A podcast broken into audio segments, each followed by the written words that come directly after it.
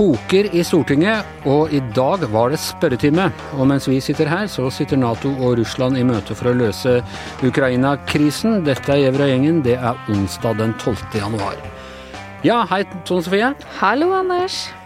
Jeg må spørre Takk deg for i går. I like måte. Så du på debatten på, på NRK i går? Det gjorde jeg. Ja, Ja. vi var nevnt. Ja, vi var var vel indirekte ja. Indirekte nevnt. eh, Den her eh, Hva skal vi kalle den? Alstadsæter. Alstadsæter i, eh, i Aftenposten, i Aftenavisen. Aftenavisen. Eh, Jeg gjorde jo et eh, ganske stort poeng, vil jeg si, ut av at eh, disse idiotene i VG ikke engang klarte å, å uttale navnet på en av kandidatene til sentralbanksjefjobben riktig. Men vi har jo ikke lest doktorgradsavhandlingen til Ida Wolden Bakke. Det er jo så vidt vi greier å, stokke navnet hennes riktig. Bare på VGs podkast i dag så greide de jo ikke det. Man må vel nesten gi ham et poeng. Hør på dette her fra i går. vet ikke verken han eller hun Ida Bakke Bolden hvilke kvalifikasjoner. Jeg er virkelig ikke den rette til å vurdere. Mer sånn feministisk argument at uh, Ida Bakke Volden er eh, også svært godt kvalifisert eh, til, det, til denne jobben. Ja, vi må ta sjølkritikk på denne, sånn Sofie. Ja, men på den annen side, nå er ikke jeg noe veldig mattehode, men jeg mener du har lært en gang at faktorenes orden er likegyldig, og vi fikk jo med begge navnene. Ja. Øh, ja. På et eller annet vis. Eh, Men, men eh, Ja, jo. Men altså, hadde det ennå vært hadde hun bare hatt to navn, så kunne vi sagt at vi bare sa det formelt sånn eh, telefonkatalogaktig, at vi sa etternavnet først. Men i og med at det er tre, så er det litt vanskelig å slippe unna med den. Ja, det er vel kanskje det. Men eh, på den positive siden, det er bra vi har ivrige og dedikerte lyttere. Det, har vi, det skal vi være glad for, og, og så må vi da understreke at han heter altså ikke uh, Alstadsæter. Er Men Skjalgheim heter han. han heter Skjalg Fjellheim. Nei uh, Men det ligner litt. ja, Nå må vi slutte å tulle her. Han heter, eh, han heter Alstaheim Alstadheim og er politisk redaktør i eh, Aftenposten, ikke Aftenavisen. Fornavn. Kjetil. Ja, riktig. Så det er, det er et mellomnavn der òg, så vi kunne ha laga Kunne ha stokka om på det også, men det er kanskje å drive det langt. Ja, og jeg må jo si om dagen at uh, kommentatorer som kommenterer andre kommentatorer, det er jo en, uh, en kjent og ja, jeg vet ikke hvor kjær øvelse det er i, i den bobla vi er en del av. Det er men, gøy, det eh, er gøy i dette lille, denne lille akvariet som er, som er kommentatorverden. Du, jeg må ta opp én ting til fra, fra uh, debatten i går. Fordi av de aller første som rykket ut mot forslaget om at Jens Stoltenberg burde bli sentralbanksjef, var eh, kanskje ikke helt eh, overraskende eh, Skjalg Fjellheim fra eh, Nordlys. En venn av denne podden, vi har hatt han på besøk her, og, og riktig hyggelig. Han er ofte litt uenig med, med oss som eh, jobber i Oslo. Og, eh, men etter debatten i går så rykket han ut på Facebook med en ny kommentar hvor han har snudd av vår sjef Hanne Skartveits fornuftige argumentasjon. Ja da, han har både eh, latt seg overbevise, og legger jo også til at eh, at når så mange hovedstadskommentatorer i hva er det han kaller det, liberalkonservative aviser Nei. Ja, jo, ja, jeg husker ikke helt nå, så nå skal jeg være veldig forsiktig med å ta Ja, ting på hukommelsen her. Det har vi litt dårlig erfaring med om dagen. Eh, når de mener noe så eh, mange og så sterkt, så er det på høy tid å mene noe annet. Så det Ja. Men ja. men, men jeg må jo si at det var 50-50 i Oslo-bobla på debatten i går. For det var altså da vår eh, sjef Hanne Skartveit og Hege Ulstein fra Dagsavisen, de var tilhengere av eh, Jens Stoltenberg som sentralbanksjef, mens eh, Kjetil Alstadheim og Fridtjof Jacobsen også tidligere her i, VG, de var liksom mot. Så det, det, var, det var på en måte ikke mulig å være uenig med alle hovedstadskommentatorene denne gangen. Nei, du, du måtte bytte deg ut med noen hovedstadskommentatorer, så da var det jo litt sånn hvem, hvem, hvem er minst ille? Ja, Hvem? best å kolere.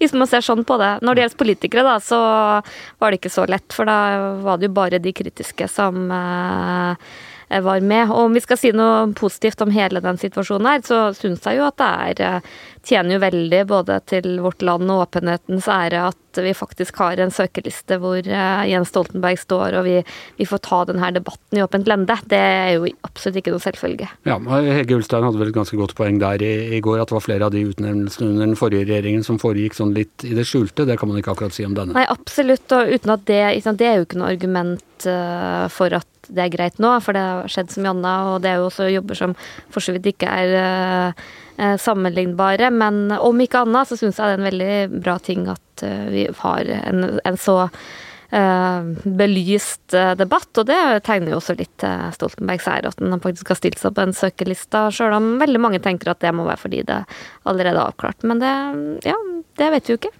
Og som vi da understreket i podkasten her i går, det er altså ikke Stortinget som skal ansette her. Eh, og sånn sett ikke en formell sak for Stortinget å behandle, men jeg går ut fra at det var en sak, i hvert fall i vandrehallen i dag, når du var i spørretimen?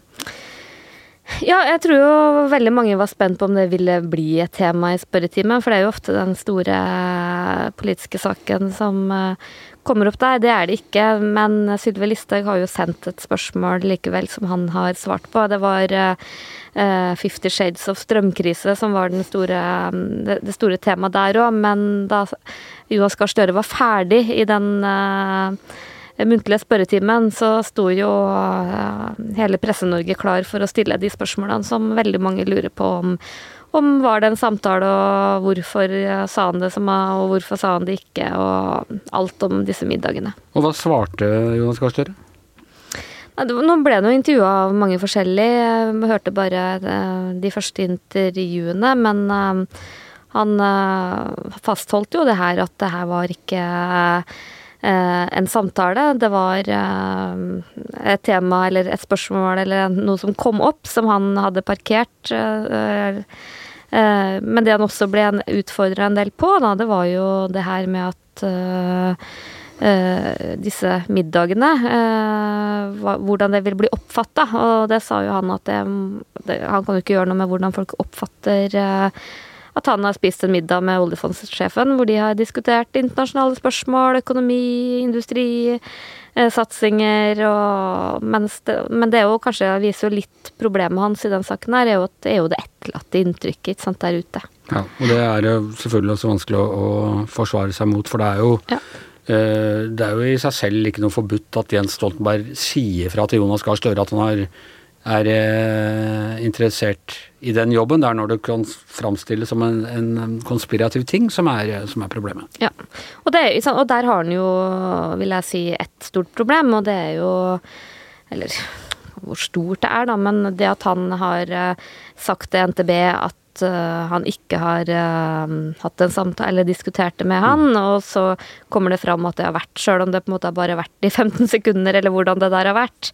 Det, det, blir litt sånn, og det er jo det som kommer til å plage en, vil jeg tro, i fortsettelsen òg. Jeg tror blir det Stoltenberg, så kommer det politiske kritikken kommer nok til å dempe seg. Han kommer helt sikkert til å være profesjonell og sånne ting, men den mistanken tror jeg liksom vil ligge der, både om det er en litt sånn gutteklubb, om du kan kalle det, tett knytta til Arbeiderpartiet, som uh, deler posisjoner, uh, legger strategier. Uh, ikke uten grunn heller, for det har jo vært sånn. Det er mange maktpersoner tett der. Og jeg tror at det først og fremst vil være en problematisk sak for regjeringa, og ikke minst for Jonas Gahr Støre, som jo er helt åpen på at han har et nært vennskapsforhold. Det, det var vel det morsomste i Vandrehallen i dag, var faktisk når NRKs Ingunn Solheim spurte Jonas om han ville si at de hadde mer enn et nært vennskap.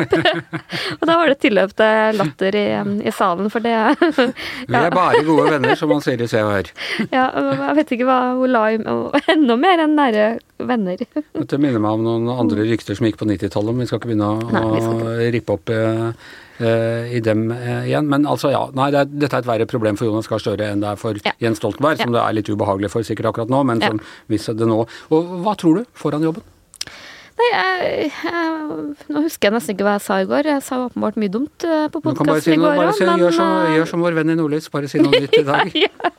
Nei, jeg tror eh, Jeg syns det er nesten umulig å spå, for uh, med, Selv om Stortinget formelt sett ikke har noe med det.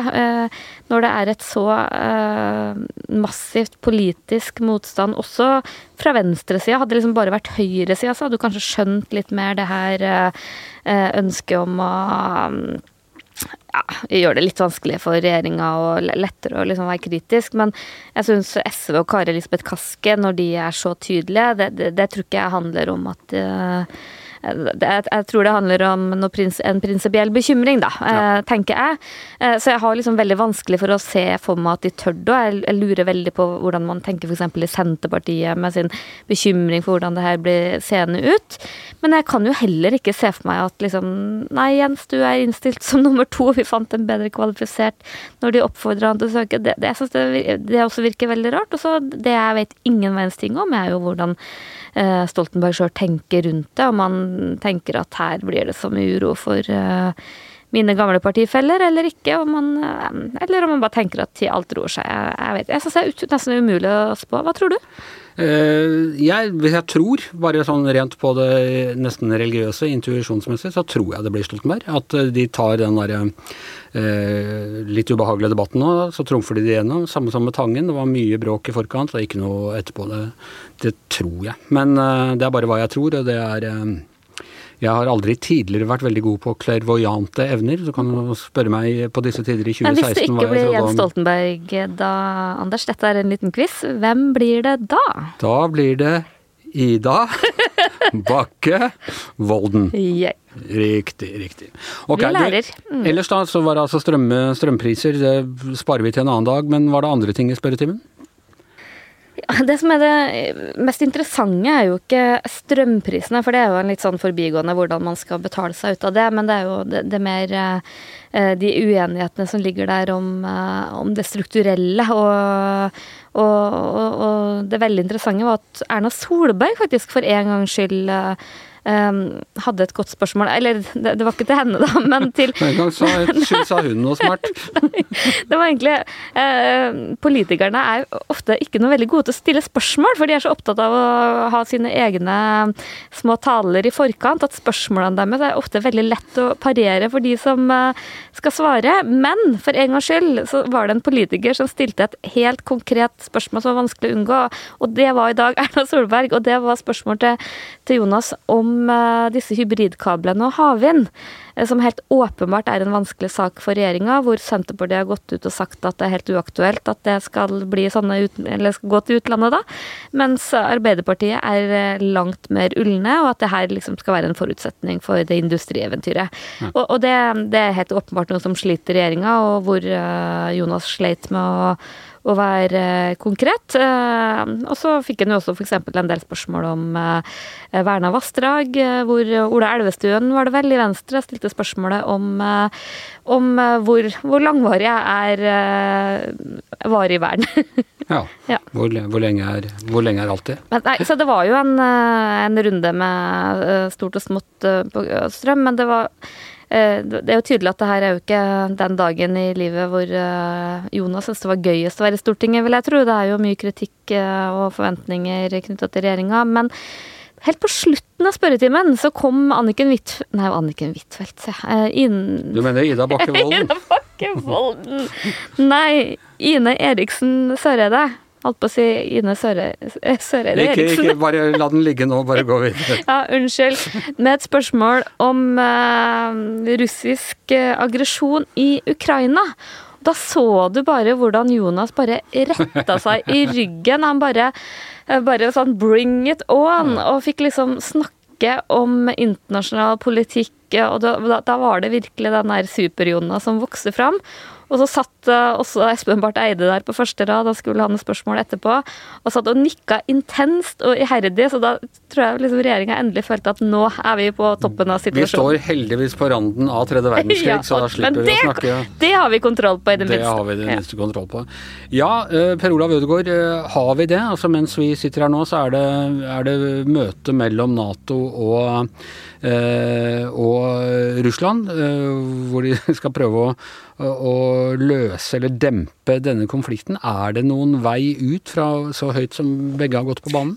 Jeg er helt sikker på at de ikke kommer ut med én løsning etter det møtet i dag. Men det er jo en begivenhet, må jeg nesten si, at det møtet finner sted. Nato-Russland Rådet har eksistert i, i, 20 år i år, og det, det, har vært nå to, det er to og et halvt år siden de sist møttes.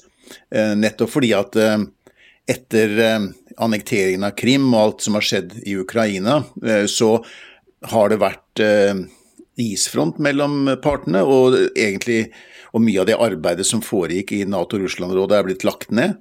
Det jo, ble jo startet med stor entusiasme, eller stor entusiasme, men i hvert fall med en positiv holdning for 20 år siden. Det ble opprettet et Nato-kontor i Moskva. Eh, russerne fikk da en egen delegasjon i Nato. De deltok i drøftinger, konsultasjoner i Nato, mange råd. Eh, og dette var jo et forsøk på liksom å trekke Russland inn, eh, og, og, og for å forhindre at det blir unødvendige spenninger og, og, uklarheter og misforståelser og sånt noe i forholdet. Så nå er det i hvert fall et møte igjen. Det er jo nettopp den perioden Russland nå er bitter for. at eh, Den perioden hvor de mener at eh, Nato løy for dem og sa at de ikke skulle ta opp noen medlemmer i nærheten. og at så det er, det er på mye Den perioden er jo grunnlaget for hele den konflikten vi har nå. Jo, men denne historiefortellingen fra russisk side om at de ble lovet at Nato ikke skulle få nye medlemsland i øst, det er jo noe som eh, er litt på en anekdotisk Det er jo aldri noen, gjort noen avtale om det. Det har vært kanskje sagt ting i forhandlingene, kanskje, og det går tilbake til til Gorbatsjovs tid, Mikhail Gorbatsjovs tid, uh, altså 30 år tilbake omtrent, ikke sant, hvor uh, usikkerheten var stor om hva dette ville innebære. Men, men saken er at Russland også søkte en form for forståelse og samarbeid med Nato da de gikk inn i Nato-Russland-rådet. Eh, det var en forløper til det også, som kom på slutten av 90-tallet. sånn at har, eh, Man har forsøkt å trekke de med og inn i dette. Men du, er, du har rett, det rører jo et helt sånn grunnleggende spørsmål. Eh, skal selvstendige land kunne ta egne avgjørelser om de, hvor de vil være, hvem de vil samarbeide med, hvor de vil ha sin sikkerhetspolitiske forankring. Ja, Nei, Det er litt gøy. Det er altså sjølråderett, som enkelte er veldig opptatt av her i Norge. Det, de samme folka er ikke like opptatt av det når det gjelder fattige land i Øst-Europa. Nei, og det, og det, er jo ikke nødvendigvis bare fattige land i Øst-Europa heller, for det kan jo fort bli en aktuell problemstilling i forhold til Finland og Sverige. altså Det er land som samarbeider veldig tett med Nato, som har, deltar i mange Nato-operasjoner, og som har utvidet det, det samarbeidet sitt, men som jo ikke er medlemmer i dag dag, men hvor det er en diskusjon, og, og hvor i hvert fall det er mange i de landene som ønsker å holde den muligheten for medlemskap åpen. Men det ville egentlig Putin og eh, men, men, Kreml da nekte dem. Men Russland hadde ikke begynt å, å mobilisere på grensen til Sverige om Sverige søkte Nato-medlemskap, tror du det? Nei, Ukraina er jo på en måte i en litt sånn særstilling, både historisk og kulturelt. Og, og det er klart at uh, det beste for uh, Russland her ville være å ha et sånn pro-Moskva-regime i Ukraina. Um, Altså, Vanskeligheten for Putin er jo det at uh, det er så lite attraktivt det han har å tilby. Og, eller Den russiske modellen er så lite attraktivt, liksom. Det er på en måte en sånn uh, Moskvitsj sammenligna med en Mercedes i vest, liksom. Og det er de landene i øst de, de foretrekker både økonomisk og sikkerhetspolitisk å samarbeide vestover. Og de som, eneste som på en måte retter seg mot Moskva og vil samarbeide tettere med Moskva. Det er jo folk som Lukasjenko i Hviterussland, og det er i Kasakhstan, og det er de regimene som er autoritære ledere, undertrykkende regimer. Ehm, det er de som på en måte søker beskyttelse hos eh, Moskva. Hva er det beste vi kan håpe på kan komme ut av dette møtet? For vi får jo håpe at de klarer å nå eh, deeskalere denne spente situasjonen. Dette med om land kan bli medlemmer eller ikke en gang i fremtiden i Nato, det, det er en sånn no-starter som ikke kommer noen vei. Men altså, det, det, er muligheter å snakke om rustningskontroll, det er muligheter å snakke om militærøvelser, om større åpenhet, om utplassering av styrker på begge sider. Det er mulighet å komme fram til tiltak eh, som kan dempe spenningen. Men det må jo egentlig starte med at Russland viser vilje til eh, å også eh, svare på de bekymringene som er i vest, nemlig når du har oppmarsjert 100 000 mann og har store styrker på grensen til Ukraina. Eh, og selv om du sier at du ikke har planer om å angripe, så kommer du jo med eh, Samtidig med trusler om at uh, hvis ikke vi får det som vi vil, så settes hele sikkerheten i Europa i spill. Så det er jo de må også ta et skritt tilbake og dempe den spenningen som de selv har skapt på grensen til Ukraina. Men videre samtaler, videre forhandlinger, prøve å gjenopprette den avtalen som, om mellomdistanseraketter, kjernefysiske mellomdistanseraketter, forbudet som tidligere eksisterte mot det mange muligheter til å gå videre her, eh, hvis det er politisk vilje til det. Og når får vi da vite om, om det er vilje til det, og om det har kommet noe ut av dette? Det, det kommer jo nå uttalelser etter dagens møte. Vi får se hva, hva, som blir sagt på disse. Jeg tror som sagt det beste vi kan håpe på er at det, at det er at de lytter til hverandre, at det er en slags um, vilje til å, å søke um, å komme tilbake til et mer konstruktivt samarbeid gjerne innenfor dette Nato-Russland-rådet, eh, og kanskje også forhandlinger mm, om rustningskontroll. Eh, men det er jo vanskelig å lese russerne, russernes Som i gamle dager i Sovjetunionen så snakket man at man måtte drive sånn kremnologi for å forstå egentlig hva de mente i ledelsen i Sovjetunionen. Og det er litt sånn med Putin òg. Jeg tror han helt bevisst driver med en viss sånn tvetydighet og opptrer ganske uberegnelig, og at han men han har oppnådd en vesentlig ting Putin allerede, og det er å få USAs oppmerksomhet og få Natos oppmerksomhet, og få disse tingene opp på bordet få de inn i et forhandlingsrom. Saker som Russland har vært opptatt av lenge. Det har de egentlig oppnådd allerede, så en liten seier har Putin allerede fått. Ok, og da må jeg bare si til slutt så at det ikke blir mer klager fra, fra sånne petimetere borti uh, i andre uh, Oslo i Oslo-bobleavisene at uh, jeg sa at vi, vi, det er vel ikke noe fare for at Russland mobiliserer på grensen mot Sverige, og det er det selvfølgelig ingen fare for i og med at Russland ikke har noe grense mot Sverige. Da måtte de først okkupere Finland Finland eller, eh, eller Norge. Men det har skjedd før? Det har skjedd. Det, det har jo skjedd før, så, så, men, men da, må, da, må vi, da er vi et stykke videre inn i den konflikten som vi, eh, vi nå har beskrevet. Og med det så, så er Giæver og gjengen over for i dag. Eh, takk til Tone Sofie Aglen som var her i studio, takk til Per Olav Ødegaard fra hjemmekontoret. Jeg heter Anders Giæver, og produsent er som vanlig Anton Magnusson. Nei, hva er det jeg sier? Det er selvfølgelig Magne Antonsen.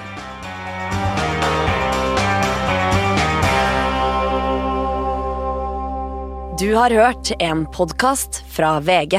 Ansvarlig redaktør, Gard Steiro.